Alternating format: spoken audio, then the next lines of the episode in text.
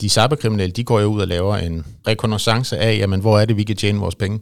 I Danmark er det SV'erne, det er 90 procent af butikken i Danmark. Danske virksomheder er under massivt angreb fra cyberkriminelle. Politiet får en anmeldelse om cyberkriminalitet hver tredje minut. I 2022 blev 51 procent af alle danske virksomheder ramt af en eller anden form for angreb. Samtidig har flere rapporter vist, at cybersikkerheden i de danske SMV'er er utilstrækkelig. Jeg hedder Christian Rotrigt. Jeg sidder som øh, teknisk direktør i øh, Fortinet Danmark. Mit navn er Claus Thodesen, vært på Selskabsdialogen og redaktør på Market Connect.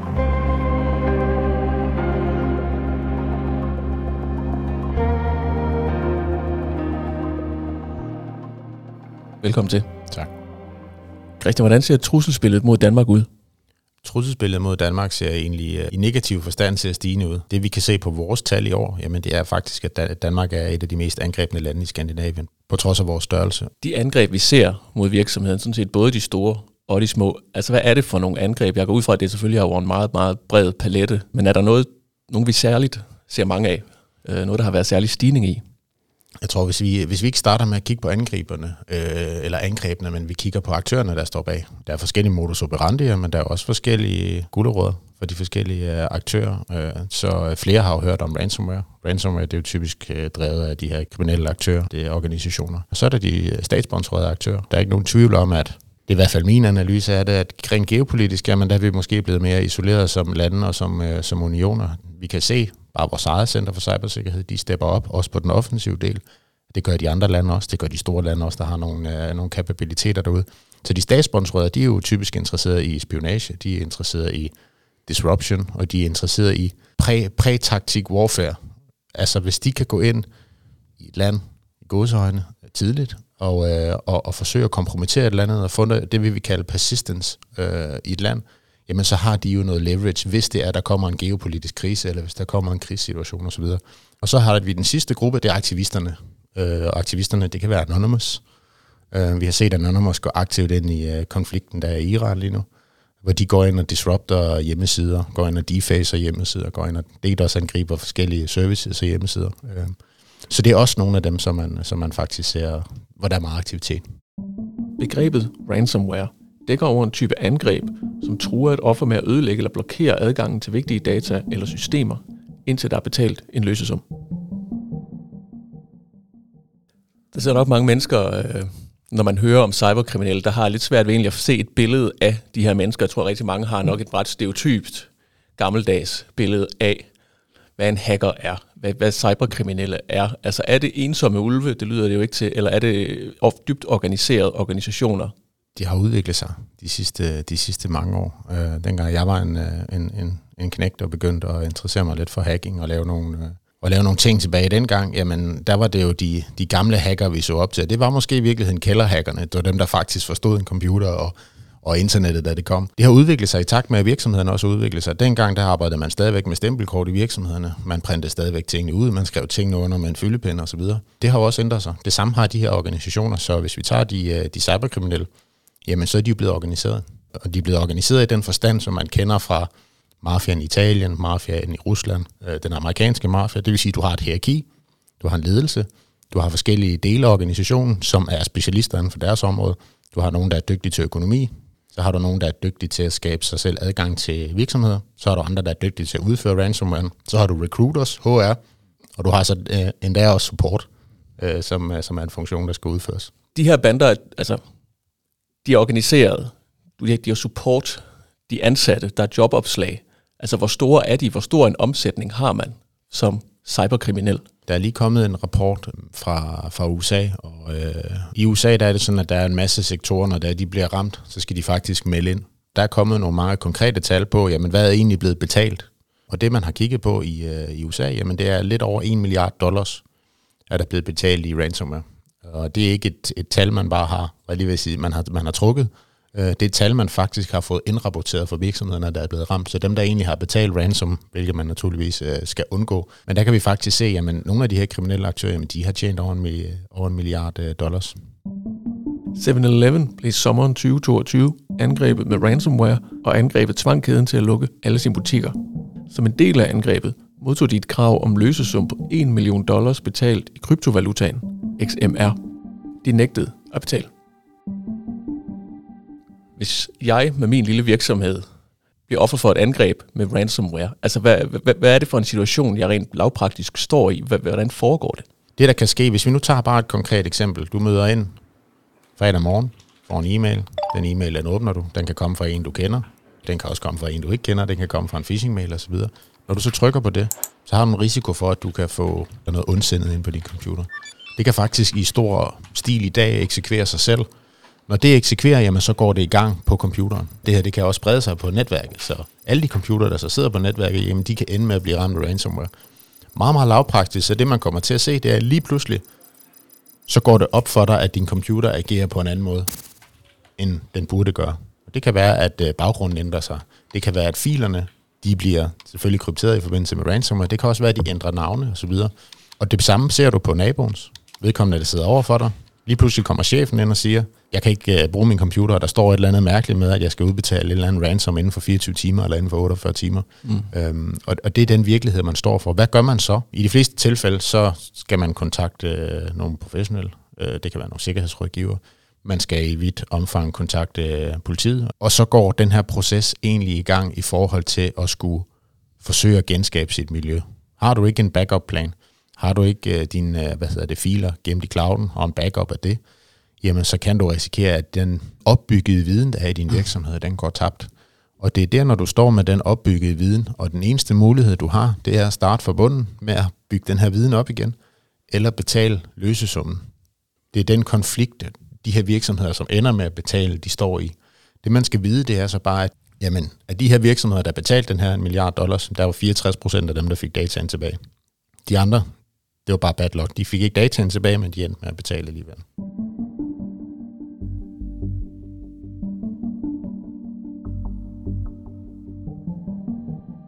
Hvis vi siger, at jeg har en lille SMV her i Danmark, jeg har 30 ansatte, det jeg laver er en del af den kritiske infrastruktur her til lands. Hvor stor en løsesum er det, jeg typisk kunne blive ramt med i den situation, hvis jeg får lukket, øh, lukket de forkerte mennesker ind i mit system? Det, det kommer lidt an på angrebet, fordi at, øh, hvis du bliver ramt af et generisk angreb, så er det egentlig den kriminelle organisation, der står bag de generiske angreb, de vil angribe så mange som muligt, men de tager også mindre beløber for dem, der så bliver ramt. Fordi de, de går efter masserne, så at sige så kan du blive ramt af targeted ransomware. Der behøver du faktisk ikke at være særlig stor. Så kritisk infrastruktur og en leverandør til kritisk infrastruktur, det kunne være hosting provider for eksempel. Mm.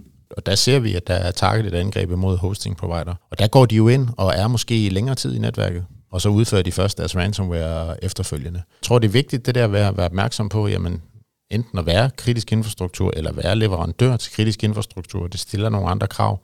Øh, nu kan vi se, at der kommer den her NIS2-direktivet, NIS der bliver, der bliver sendt op fra hvad hedder det, Europaparlamentet. Øh, og det er et direktiv, vi kommer til at følge, og der står faktisk i det, at hvis man er leverandør til kritisk infrastruktur, jamen, så skal man højne sin sikkerhed. Blandt andet, hvis man bliver ramt, har man så en plan for, hvad man egentlig gør. Øh, det er der jo rigtig mange, der ikke har i dag. Hvad kan konsekvenserne blive for samfundet, hvis vi øh, bliver hacket på vores kritiske infrastruktur? Det er jo både hospitaler, det er skoler, det er alt muligt. Jeg tror, det er svært at, det er svært at sige i hvilket omfang det kan ramme. Fordi det, der kan påvirke et hospital, og det er jo i virkeligheden det, der er det værste, det er jo sådan set, at folk kan, kan, kan ende livet. Jeg vil så også sige, at der er ved nogle af de her kriminelle aktører, jamen der er rent faktisk et, en, en etik og moral med, at der er nogen, at man ikke må angribe. Der er de her ransomware og service, de har faktisk skrevet ind i deres SLA'er, at du må ikke angribe nogle bestemte former for kritisk infrastruktur, hospitaler osv. Hvis vi kigger på, på de lidt mindre aktører, det kan være forsyningsselskaber osv., jamen så kan det jo stoppe forsyningen i værste tilfælde. Og det er jo en vigtig del af, af den kritiske infrastruktur, når, vi, når, vi, når man ikke har strøm. Det sætter os lidt på den anden ende, fordi vi ikke er vant til det, så det kan gå hen og skabe panik. Og den helt store kritiske infrastruktur, vi skal være opmærksom på, det er jo selvfølgelig det økonomiske. Så det er, det er bankerne, det er, men det er selvfølgelig også virksomhedernes adgang til deres værdier og de privates adgang til deres værdier. Et godt eksempel på øh, SMV'er og underleverandører til kritisk infrastruktur, det kan fx være angrebet imod, øh, imod DSB. I november 2022 blev DSB udsat for et hackerangreb. Angrebet blev sat ind mod en underleverandør og udnyttede en sikkerhedsbrist i en driftskritisk app. Dette førte til et totalt nedbrud i DSB's togdrift på Sjælland og skabte store problemer i togtrafikken over hele landet. En fejl i DSB's eget beredskab var medvirkende til at gøre angrebet succesfuldt. Man kigger også ind i noget, der jeg synes, der er vigtigt at nævne i forbindelse med cyberkriminalitet. Det er, at vi kan jo sagtens sidde og sige i Danmark, at, at vi ikke kan forstå det moralske og det etiske princip i, at du er en del af en cybercrime-organisation. Men der er faktisk rigtig mange steder i verden, hvor du ikke bliver undervist i etik og moral på universitetet, for eksempel. Så hvis vi tager Rusland, de har nogle helt andre moralske og etiske rammer øh, for den måde, de arbejder på. Og det kan vi se i Rusland. I Rusland, der, nu har jeg selv en baggrund i en øh, uh, IT-sikkerhedsvirksomhed, som stammer derfra. Og der snakkede jeg med mine kollegaer om, at når du var færdig på universitetet og havde læst matematik på højniveau, så stod de store virksomheder og prøvede at rekruttere dig. Det gjorde de cyberkriminelle også. Og så er det, du finder ud af, jamen, hvor har jeg de bedste muligheder? Hvor kan jeg enten tjene flest penge, eller hvor kan jeg få flest udfordringer? Så de gør sig også attraktive, de her cyberkriminelle organisationer, over for det mere yngre publikum og det her udviklerpublikum. Så de kæmper egentlig på lige vilkår, man så må sige, med de almindelige virksomheder om at finde de bedste eksperter. Ja, og vi kan se, at, at, at der kommer jo jobopslag på LinkedIn og alle mulige steder. De er ude i det offentlige, også på Twitter, og sige, at de har brug for de her kompetencer. De er også ude at rekruttere dem, der er i eksisterende virksomheder. Så det kunne for eksempel være, øh, nu har jeg ikke selv været ude for det, det er bare et tænkt eksempel, at jeg får en mail en dag. Hvis jeg kan udlevere noget information omkring min virksomhed, skabe adgang til min virksomhed, jamen så vil de gerne ansætte mig på fuld tid. Og jeg kan jo få en bonus, hvis det ender med, at det lykkes for dem at kompromittere virksomheden. Det kunne også godt være, at de faktisk holder øje med folk, der bliver fyret. Så hvis de hører om, at der er nogen, der bliver fyret eller får screenet på LinkedIn og så videre, at der er nogen, der har mistet deres arbejde eller er negative over for deres tidligere arbejdsgiver, så kan det godt være, at de rækker ud og spørger, om, øh, om det ikke kunne være en vej ind, øh, at, at, at, at, at hvad man sige, de kan købe den her service, eller at de kan ansætte folk øh, på baggrund af det.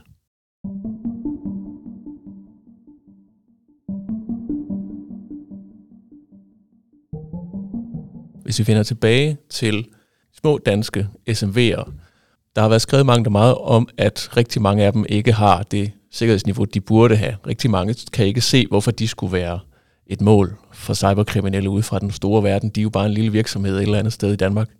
Er det en fejl?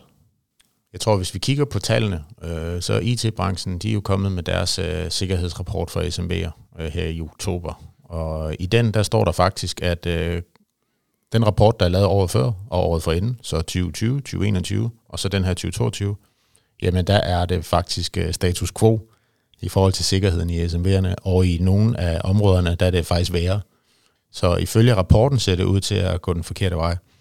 Jeg tror, det man skal være opmærksom på for at give noget kvæde til SMV'erne derude, så de er jo ikke sat til verden for at være sikkerhedseksperter. De er jo sat til verden for at gøre det, de er gode til, mm. øh, og drive den virksomhed, de har. Jeg tror tværtimod, det de skal kigge på SMB'erne, det er at stille større krav til deres leverandører. At de leverandører, der så kommer ind, jamen de sørger for sikkerheden. Ifølge det globale cybersikkerhedsindeks indtager Danmark en 32. plads over de lande med den bedste cybersikkerhed, efter lande som Kazakhstan og Polen. Hvis vi ser over de kommende år, nu har der været en øh, markant stigning i antallet af angreb gennem de seneste par år. Stopper det her, eller bliver det, øh, bliver det værre de, de kommende år? Det, det vi kan se på, på noget af den research, vi har lavet, det er, at øh, fra 2020 til 2021, jamen der er ransomware faktisk steget med, med en faktor 11. Altså en 11 gange increase i, øh, eller stigning i ransomware. Det vi har set i år, det er noget tilsvarende, men det vi, vi, vi nu bare lægger mærke til, det er også, at der er flere varianter af ransomware-typer. Det er jo i takt med, at de bliver mere dynamiske, de begynder at bruge machine learning i større stil, de her cyberkriminelle organisationer, og flere forskellige varianter, eller mange varianter, det gør det sværere at beskytte imod det her ransomware. Så i takt med, at der er flere ransomware-angreb, jamen så bliver de faktisk også mere avancerede. Så der bliver, der bliver oprustet på den, på den kriminelle side af, af dydens smalle stiger, man så må sige. Er vi klar som samfund, som virksomheder, til de øh, angreb, der kommer næste år, næste år igen? Jeg tror, det er svært at sige klar. Øh, er der opmærksomhed på det? Ja. Ved virksomhederne godt, at de skal gøre noget? Ja. Der kommer til at blive pålagt nogle regler og nogle regulativer fra, fra hvad hedder det, fra, fra både staten, men selvfølgelig også fra Europa, hvor vi begynder at hæve sikkerhedsniveauet generelt. Så vi er på vej et, et bedre sted hen. Det vi skal være opmærksom på, det er jo selvfølgelig, at tingene de udvikler sig. Øh, det er lidt evolutionen. Så når det er, at vi finder ud af at kunne beskytte imod et angreb, så opstår der et andet angreb. Øh, så man skal selvfølgelig kigge på sikkerheden lidt mere holistisk, altså overordnet set. Så gå ind til det og forvente, at man bliver ramt, og så have en plan for, hvad gør vi egentlig, når det er, vi bliver ramt. Men helt på forkant med udviklingen, det kommer vi næppe. Nej, det, det, det tror jeg ikke. Og jeg tror, det er så meget, med så meget andet teknologi. Der er altid nogen, der er nogle frontrunners på, uh, på teknologi. Og det, det, vi skal være opmærksom på, det er jo, når vi kigger på vores virksomhed, også bare, hvis, hvis jeg nu er en, en lille enkeltmandsvirksomhed, så har jeg, jeg har faktisk mange, man vil kalde det uh, angrebsvektorer. Der er rigtig mange steder, jeg kan blive ramt for. Jeg kan blive ramt på mail, på min telefon, på min computer. Der er nogen, der kan bryde ind på kontoret. Der er nogen, der kan stjæle mine data online. Jeg kan ikke beskytte imod alle de her angrebsvektorer. Det er der simpelthen ikke budget øh, og, og menneskelig tid til. Men angriberne derimod, de kan jo kigge på alle angrebsvektorerne, og så kan de se, hvor det er mest sandsynligt, at de ikke har investeret i sikkerheden. Og så kan de dykke ned i det. Og det er jo det, vi har set nu her de, de, de sidste mange år, det har jo været den her med at træne medarbejderne til at forstå sikkerhed. Øh, og i lang tid har vi jo sagt, at de ikke må klikke på links, og på links, de ikke kender. De må ikke svare på mails, de ikke kender. Så der er vi også engang i gang med en, øh, med en udvikling. Men det er et rigtig godt eksempel af, hvorfor, hvis jeg vil bryde ind i Fort Knox, og murene de er 11 meter høje, hvorfor skal jeg kravle hen over muren, når det er, at jeg bare kan hoppe på ladet af den bil, og den servicemedarbejder, der nødvendigvis kører ind i Fort Knox. De kriminelle aktører står i en bedre position, end, end mange virksomheder, der gør derude. Men det handler om, at, at man har taget sig nogle, nogle forholdsregler inden, at man har en plan til, hvis der er noget, der går galt, jamen, så kan vi faktisk arbejde på en alternativ måde i en periode, og vi kan også genskabe data. Christian, tak fordi du kom. Det var så lidt. Det skulle være en gang. Du har lyttet til Selskabsdialogen, en podcast af Market Connect.